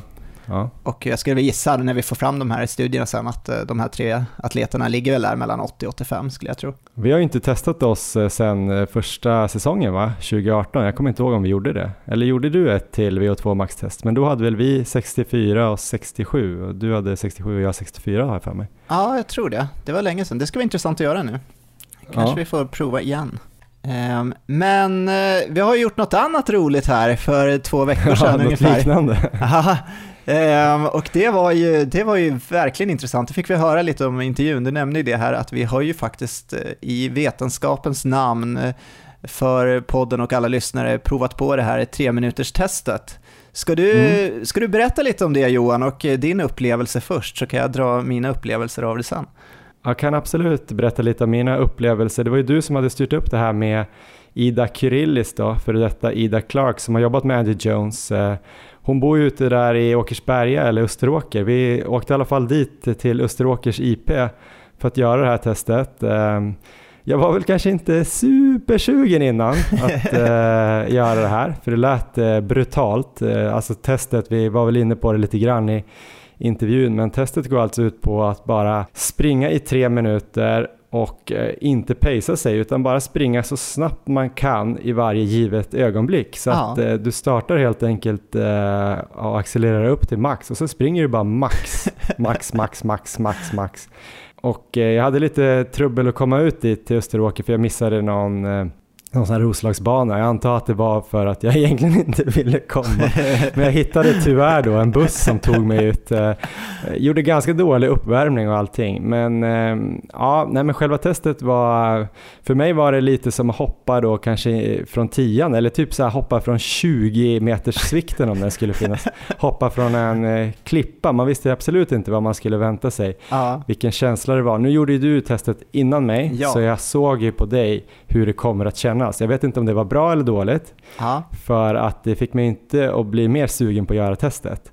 Eh, såg jag såg trött ut? ganska trött ut eh, och man kunde ju se för varje varv, där det blev väl ungefär två och ett halvt varv kan vi avslöja redan nu, så ja, du såg lite sämre och sämre ut i, i, i din löpteknik kan man väl säga. Din effektivitet var inte toppen sista 200. Eh, men du såg jävligt stark ut första 200 måste jag ja. säga. Men det är väl ungefär så det är också ungefär 200 så känns det ganska bra, så skulle jag vilja säga.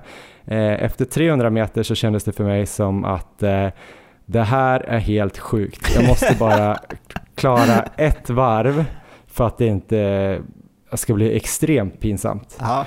Eh, nu har Ida kommit ner och ska hjälpa oss med det här testet, jätteschysst. Erik har styrt upp det här. Jag måste bara komma förbi Ida, för ni stod ju på varsin sida och skrek. Ja. Jag måste bara komma förbi henne och sen när jag gjorde det då, efter ett varv kändes det så här, det här är helt sjukt fortfarande. Men då tänkte jag, ja men förbi Erik då kanske, jag kan komma dit fram. Och sen så tänkte jag, nej det måste ju vara, tre minuter måste jag ha gått nu. Det kändes som så lång tid de där tre minuterna. Så jag tänkte så här, ja det kommer bli ett pinsamt resultat. Men kommer jag förbi Ida då har jag i alla fall gjort 800 meter. Aha. Och då visste jag ju hur långt du hade hunnit så då tänkte jag så här, ja ja men eh, 200 meter kortare än Erik, det, det måste väl ändå vara, jag kanske inte jättebra men typ godkänt. Jag har ju haft dåliga förberedelser. Alltså jag tänkte inte så här mycket, det här var ju bara små instinkter som kom. Alltså jag tänkte bara på att ta nästa steg egentligen.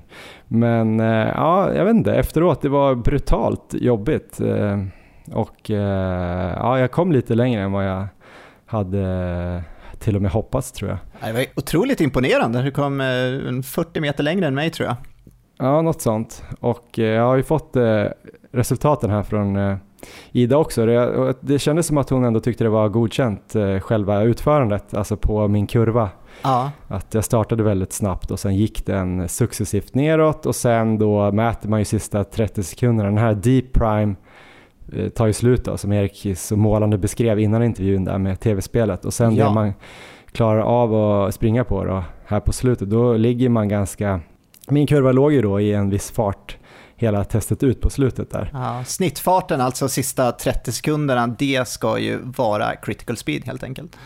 Precis, så det såg ut som att kurvan var rätt bra, vilket var ju skönt. För att annars är det ganska svårt att sätta ett sånt här test första gången för att det är så brutalt. Så att har man gjort det någon gång innan så vet man mer hur man ska göra, vad som väntar och ja, det kan väl du kanske prata lite mer om, för du fick ja. väl lite tvetydigheter i ditt resultat ja. tror jag. Ja, men Ida hade sagt det till oss innan att hon tyckte vi skulle testa det här en gång innan och eh, sen andra gången då genomföra det på riktigt. Sen så var det ju så att eh, jag reste ju från Uppsala och sådär så att det var lite det kändes lite kanske krångligt att åka in flera gånger så att, och jag tänkte väl också att ja, men vi, vi ska väl fixa det här. Det, hur, hur tufft kan det vara liksom? Um, så att uh, tanken var väl att det här, det här ska vi ändå bara fixa, så att en gång räcker nog. Men mitt, eh, ditt test var ju jäkligt snyggt och du, du fick ju den här perfekta kurvan som man ska ha. Eh, det blir väldigt tydligt om man på något sätt pacear sig själv, för det syns ju på den här grafen då ehm, om det är ett lyckat eller misslyckat test. Och eh, den som inte fick lika lyckat test, det var ju faktiskt jag. Ehm, ja, till att börja med så hade jag ju lite så här, även om jag hade värmt upp ganska rejält och så, så var jag lite rädd för skador. Så att jag hade en liten fartökning efter ungefär 10 sekunder. Det var väl någon slags undermedvetet att jag ändå höll igen kanske lite bara för att inte få någon skada i baksidan eller sådär i början. Så att, jag vet inte hur mycket det just påverkar, för sen så drog jag verkligen på liksom max. Och för mm. mig kändes det typ i 300 meter så Uh, ungefär som du beskrev det där, så kändes det ju ganska bra. Men sen så var det som att en del av hjärnan bara började prata med mig och sa så här att du är helt dum i huvudet, tror du att det här ska fungera ja. eller? Eh, och sen så var det som att den tog över, så att jag fick en sån här otroligt stark impuls att stanna. Um, ja, det var helt sjukt. Ja, och som, som du beskrev det, så det hela det här projektet med testet var ju min idé. Och i det tillståndet med så 700 meter kvar så bara jag hatade mig själv för att jag liksom befann mig där. Eh, och jag funderade verkligen på att bryta, jag var riktigt nära. Det var som Andy beskrev det där i intervjun, att det var sån här drunkningskänsla.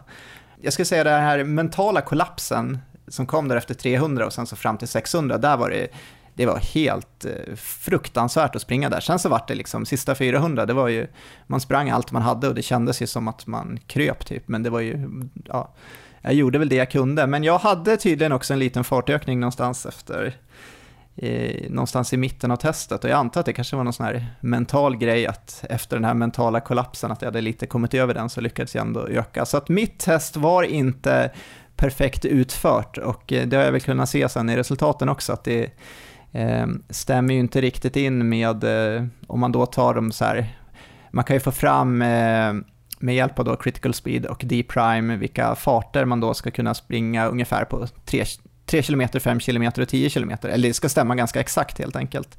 Eh, och för, för mig så, eh, så stämmer inte de eh, speciellt bra. Eh, jag kan springa snabbare än de tider jag fick fram, och, eh, men samtidigt så var ju testet eh, inte korrekt genomfört och följde inte riktigt IDAs direktiv heller att prova på testet en gång innan och sen köra det andra gången.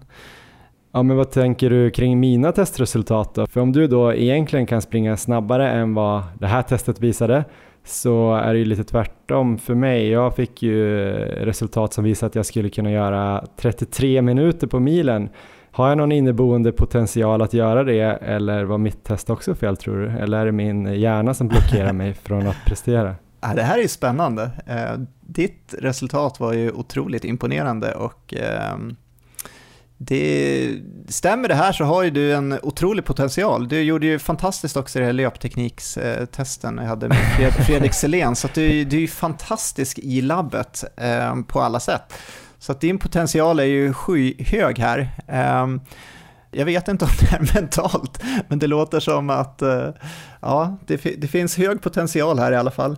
Om det är den här uh, L'Oreal-mannen-grejen som John Kingstedt brukar snacka om. Ah, just det. Uh, att, att, jag bara ska se snygg ut när jag springer. Det är kanske det. Jag var inte speciellt snygg i Österåker. Det kan jag inte tänka mig på det där tre testet Jag var krokig som fan. Vi har väl några bilder eller videos som vi kanske kan lägga upp här uh, såklart på Instagram. Um, så det är väl det då. Jag måste ta, ta fram mitt mindre vattenkammade jag när jag springer. ja, men det var ju otroligt imponerande insats av dig där tycker jag i alla fall. Och jag, jag, kan ändå tänka mig att lite så här, kanske din medeldistansträning kan ändå göra att du utför ett sånt här test bättre än mig. Ehm, jag tränar ju liksom aldrig med att få den här liksom mjölksyrakänslan någonsin. Ehm, Nej. Så att jag vet inte om det var det som gjorde att jag fick någon sån här mental kollaps och chock när det kom. Jag kan tänka mig att om eh, typ Kalle Berglund skulle dra det här testet skulle han nog prestera otroligt bra. Um, ja, men lite så kan jag väl känna. Mm. Dels eh, att jag har väl kanske känt på det lite den här säsongen. Dels också att eh, jag har väl en hyfsat eh, bra fart där i början som gör att jag till rygga lägger en del meter. Men sen är det ju också de här sista Aha. 30 sekunderna som avgör. Så här man, har man jättedålig fart där så är det ju också då ett eh, ganska mycket sämre testresultat. Så på något sätt lyckades jag väl ändå ha en hyfsad fart ja. där, även om det kändes som att det gick i fem fart så gick det ju typ i ja, jag vet inte, 3.17, 3.20. Min klocka var lite märklig där, men vi har ju justerat det i, i resultaten. Men ja. eh, slutsatsen av det här testet, eller vad man ska säga, eh, var ju att eh, jag kanske inte kommer använda mig så jättemycket av informationen, mer än att jag kanske har lite mer att ge på, på vissa sträckor här.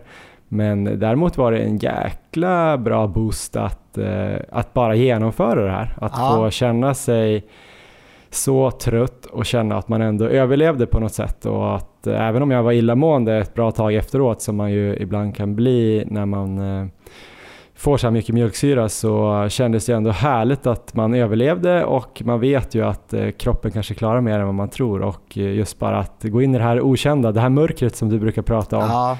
Precis. Eh, det var ju verkligen något man gjorde, men nu var det i och för sig inte så himla länge. Då. Men det, det, tror jag tar med mig. Och att jag kom lite längre än dig var ju helt eh, fenomenalt fantastiskt. Det, det kommer jag ha på min, eh, min meritlista. Det kommer stå på min gravsten. Ja, men jag skulle gissa nu att efter att vi har så utförligt beskrivit det testet, det måste vara jättemånga av Johan som har blivit sugna på att testa det här, eller vad tror du? Ja, jag tror i alla fall Kristoffer Hiding kanske blev sugen. ja, så om, om Hiding och kanske några fler eh, känner sig sugna på att testa så finns det möjlighet att göra det här. Och då kan man ta kontakt med Ida Kyrilis. Eh, Ida har ju doktorerat i idrottsfysiologi och arbetat med detta både i USA och i England tillsammans med bland annat Andy Jones och hon har ju varit med och tagit fram det här testet då för löpning.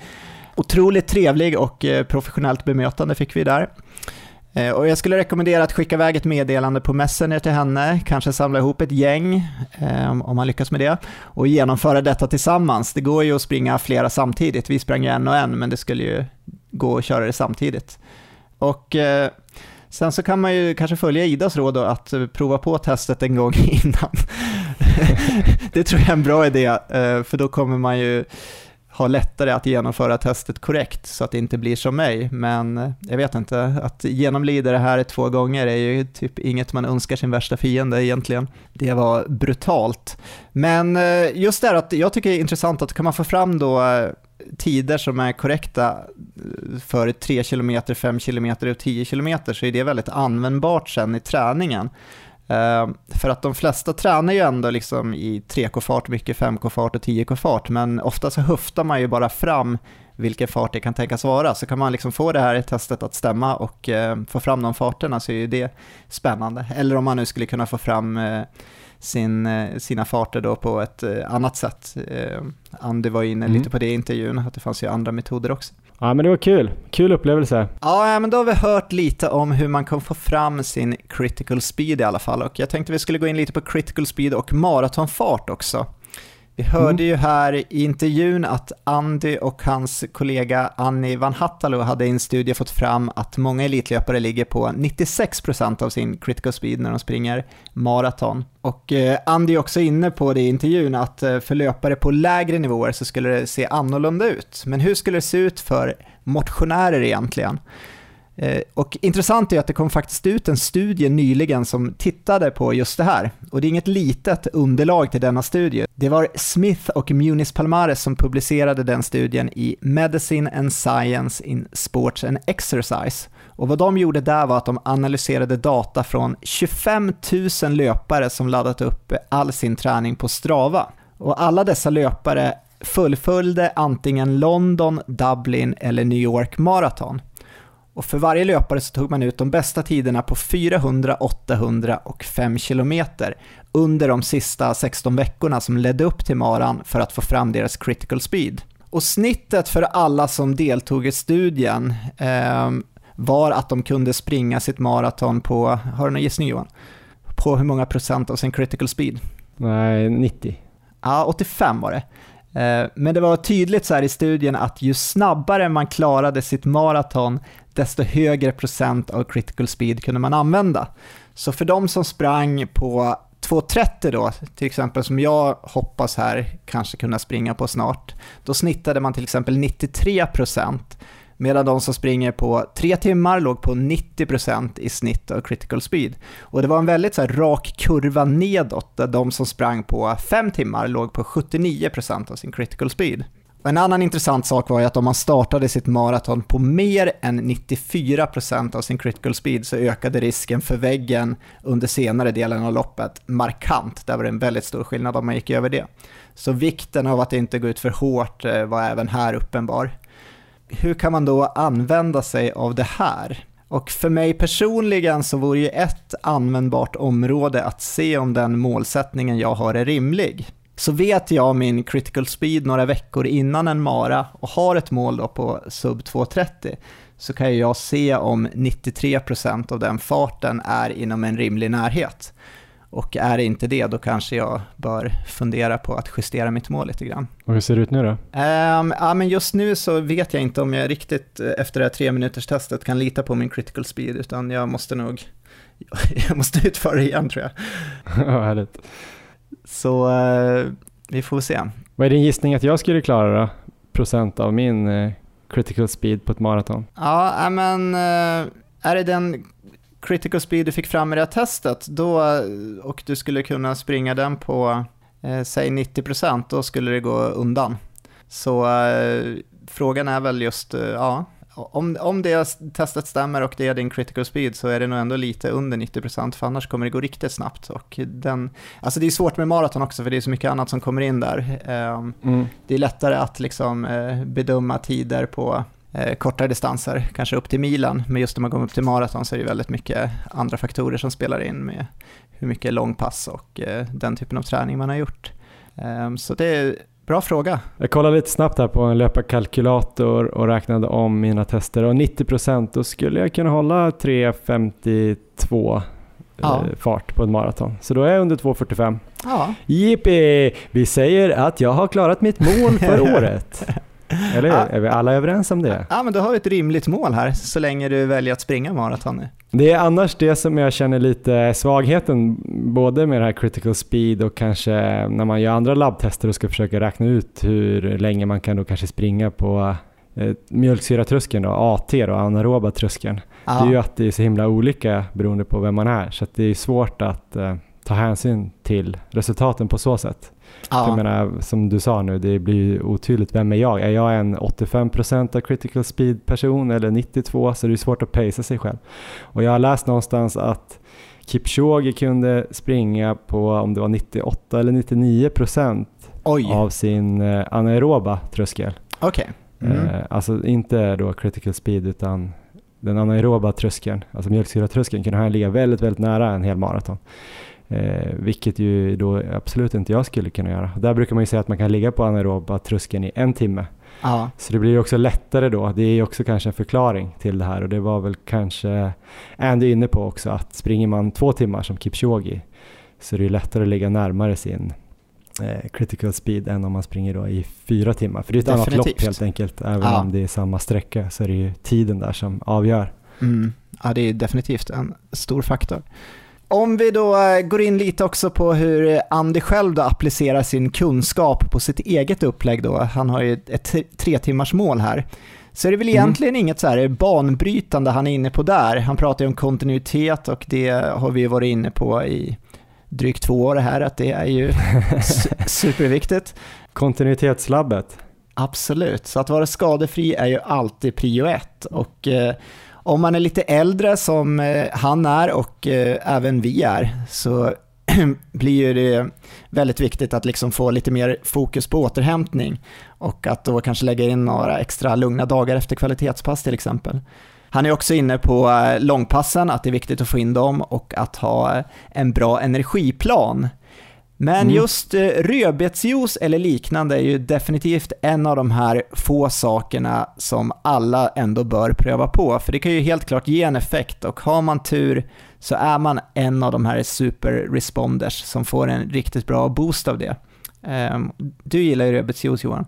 Ja, gör jag det? Nej, men jag vet inte, jag har varit lite fram och tillbaks. Jag har ju tagit det ganska mycket till olika lopp. Eh, ibland har jag fått magproblem och tänkt att det kanske är på grund av den här ganska då starka koncentrerade rödbetsjuicen som jag har druckit. Eh, och ibland har det känts väldigt bra, men det är svårt att få ett kvitto på om det har hjälpt eller inte, för även om man har sprungit snabbare så är det svårt att se ja, var det för att jag var bättre tränad än eh, förra gången jag sprang det här loppet eller var det bättre toppning eller bättre skor eller eh, var vädret annorlunda? Så vad gjorde rödbetsjuicen eller nitratet? Så jag har aldrig känt någon skillnad liksom på pulsen eller sådär i vissa farter. Så det, eh, det, har varit svårt att säga, men eh, jag har väl gått upp och ner med det där. Nu känner jag ju verkligen att eh, man borde beställa hem lite mer, att man är ganska korkad om man inte provar. Ja, det var intressant tycker jag att han var inne på också att det kunde hjälpa typ på alla nivåer, så för sprinters och kanske ja. styrkelyftare och att kanske inte maraton var det,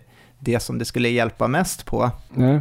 Men eh, ja, jag, jag känner ju att jag bör ju testa det här inför varje lopp egentligen, känner jag ändå, för att jag har ju, mitt problem är ju just det att pulsen blir väldigt hög och eh, alla eventuella metoder som kan liksom hjälpa att hålla nere pulsen lite känns ju spännande. Ja, det handlar ju om eh, att minimera syrekonsumtionen och kan man göra det med nitrat så borde man väl eh, göra det helt enkelt. Jag hörde Andy berätta i en annan podcast att eh, Kipchoge tar ju sitt tillskott i form av bars med rödbetor, så det måste ju inte vara juice. Nej, och det behöver ju heller inte vara rödbetor. Jag vet eh, folk som inte gillar rödbetor alls eh, som tar då eh, såna gröna blad, eh, rucola, spenat och liknande. Det finns också mycket nitrat. Man måste käka ganska mycket men eh, det går att göra lite shaker har jag hört. Att man right. kör någon sån här grönsaksshakes några dagar där innan innan loppet och på loppdagen och sådär.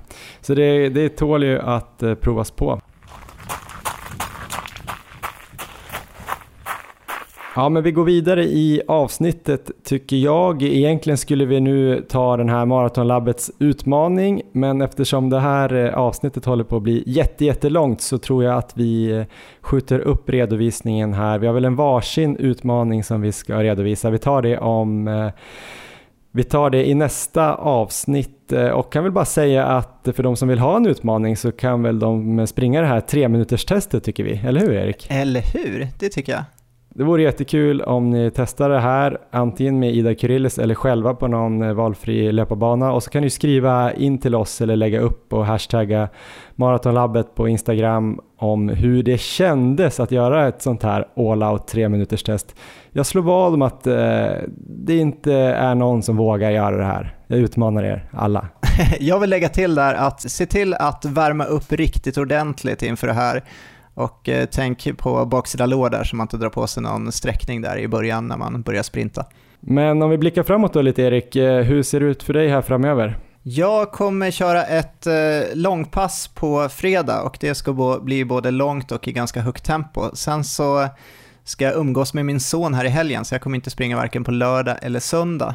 Nästa vecka startar vi med lite mer eh, maratonträning och sen så reser vi till Chamonix. Ja, peppar peppar, säger man så. Vi håller tummarna för att det blir av. Det ser ut som att det kan bli av det här med Chamonix. Vi ser att eh, flygen går dit vi ska åka och eh, Lisa och Martin från Chalet Annabelle där vi ska bo är där och eh, ska välkomna oss. Så att, nej men det känns som att det är ett ganska stabilt läge så, så om ingen, ingenting händer eller någon blir sjuk och sådär så kommer vi att åka till Chamonix och springa i bergen. Det kommer bli helt fantastiskt. ja, jag. verkligen. Så det blir väl onsdag till söndag och eh, då blir det väl mer då bergslöpning och njuta. Men det blir som sagt eh, uthållighetsträning, i alla fall för mig. Jag hoppas ju få upp eh, volymen en del nästa vecka då. ja, det, det kommer det definitivt få. Och sen får vi väl se om jag då istället för marapass innan vi åker kanske kommer springa sommarspelen. 5 km på tisdag kväll är det väl. Jag har ju någon målsättning att komma under 16.45 om jag inte missminner mig. Och det här känns som att det är min chans att fixa det i år så att jag måste väl nästan springa, eller vad säger du Erik?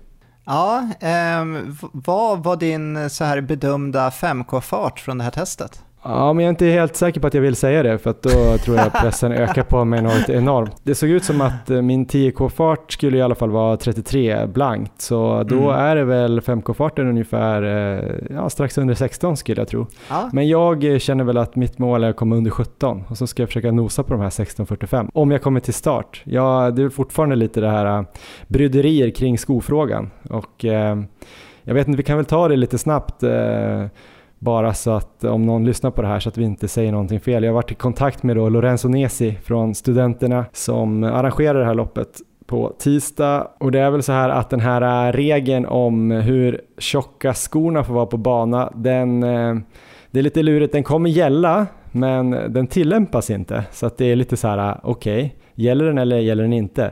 Och det är så här att eh, om man ordnar en tävling i Sverige och söker då sanktion från Svenska friidrottsförbundet då kommer den här regeln gälla. Men eftersom regeln har kommit så hastigt från eh, det här World Athletics så har ju inte riktigt de svenska friidrottsklubbarna än hittat någon strategi för att ja, efterleva de här reglerna. Så det går inte kanske att kontrollera på alla lopp. Eh, självklart kommer de kontrollera på SM och eh, högre tävlingar. Och de kommer ju även kolla då kanske A-heatet på sommarspelen skulle de ju försöka kolla. Speciellt de som springer riktigt snabba tider. För om det skulle bli någon kvaltid eller något svenskt rekord eller så, så måste de ju kolla så att skorna är godkända. Men i de här lägre hiten så kommer de inte mäta. Dock så gäller reglerna. Så det är en samvetsfråga kom vi fram till nu. Det är lite som att eh, ska man gå mot röd gubbe eller inte? Man kan gå mot röd gubbe, antagligen kommer ingenting hända, ingen kommer kolla det. Men är det schysst mot den här andra personen då som står kvar och väntar på grön gubbe om man får ett försprång? Nej, kanske inte. Däremot då, på vissa då övergångsställen så kommer de alltså ha jättenoggrann mätning och kontrollering. En, som en kamera som de ser alla som går mot röd gubbe, om ni Just fattar. Det.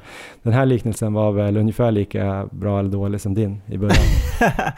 Eh, kommer du att gå mot röd gubbe på tisdag Johan? Nej, men det känns ju jättekonstigt att komma dit i ett par skor som inte är godkända då enligt den här regeln. Så att eh, jag trodde liksom att det var lite så här, ah, ja men är man amatör och eh, ganska låg kvalitet som löpare så kan man väl komma i vilka skor man vill. Men nu känner jag ändå att det är väl oschysst mot dem som kanske tampas mot mig. Jag vet inte. Så att eh, jag kan väl inte komma till start i skor som är då tjockare än 25 mm på sulan. Så jag måste kolla den här listan och eh, se vilka skor jag kanske kan få tag på innan tisdag helt enkelt. Och hittar jag inga, då kan jag väl inte springa då tänker jag.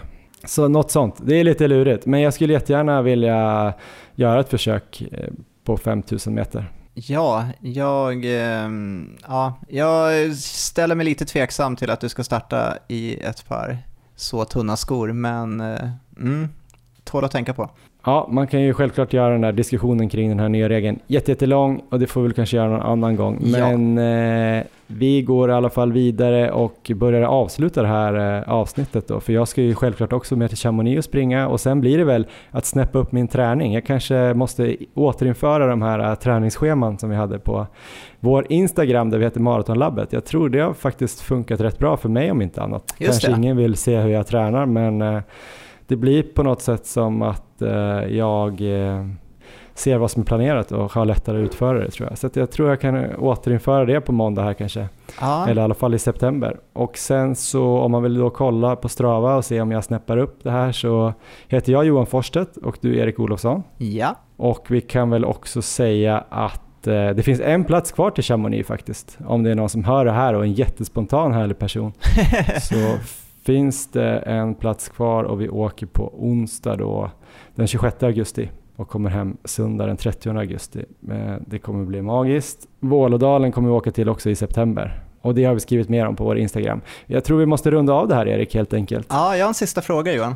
Ja, shoot. Tror du att det här avsnittet kommer bli längre eller kortare än min totaltid på maraton den 18 oktober? jag tror det kommer bli kortare faktiskt. Okay. Det kommer börja snudda Kipchogis eh, tid från Wien är jag rädd. Men eh, vi får väl se i klippningen hur mycket jag kan kapa ja. av mina idiotiska kommentarer. Det blir en rekord i alla fall tror jag. Ja, det är alltid något. Eh, ha det bra Erik så hörs vi. Ha det bra.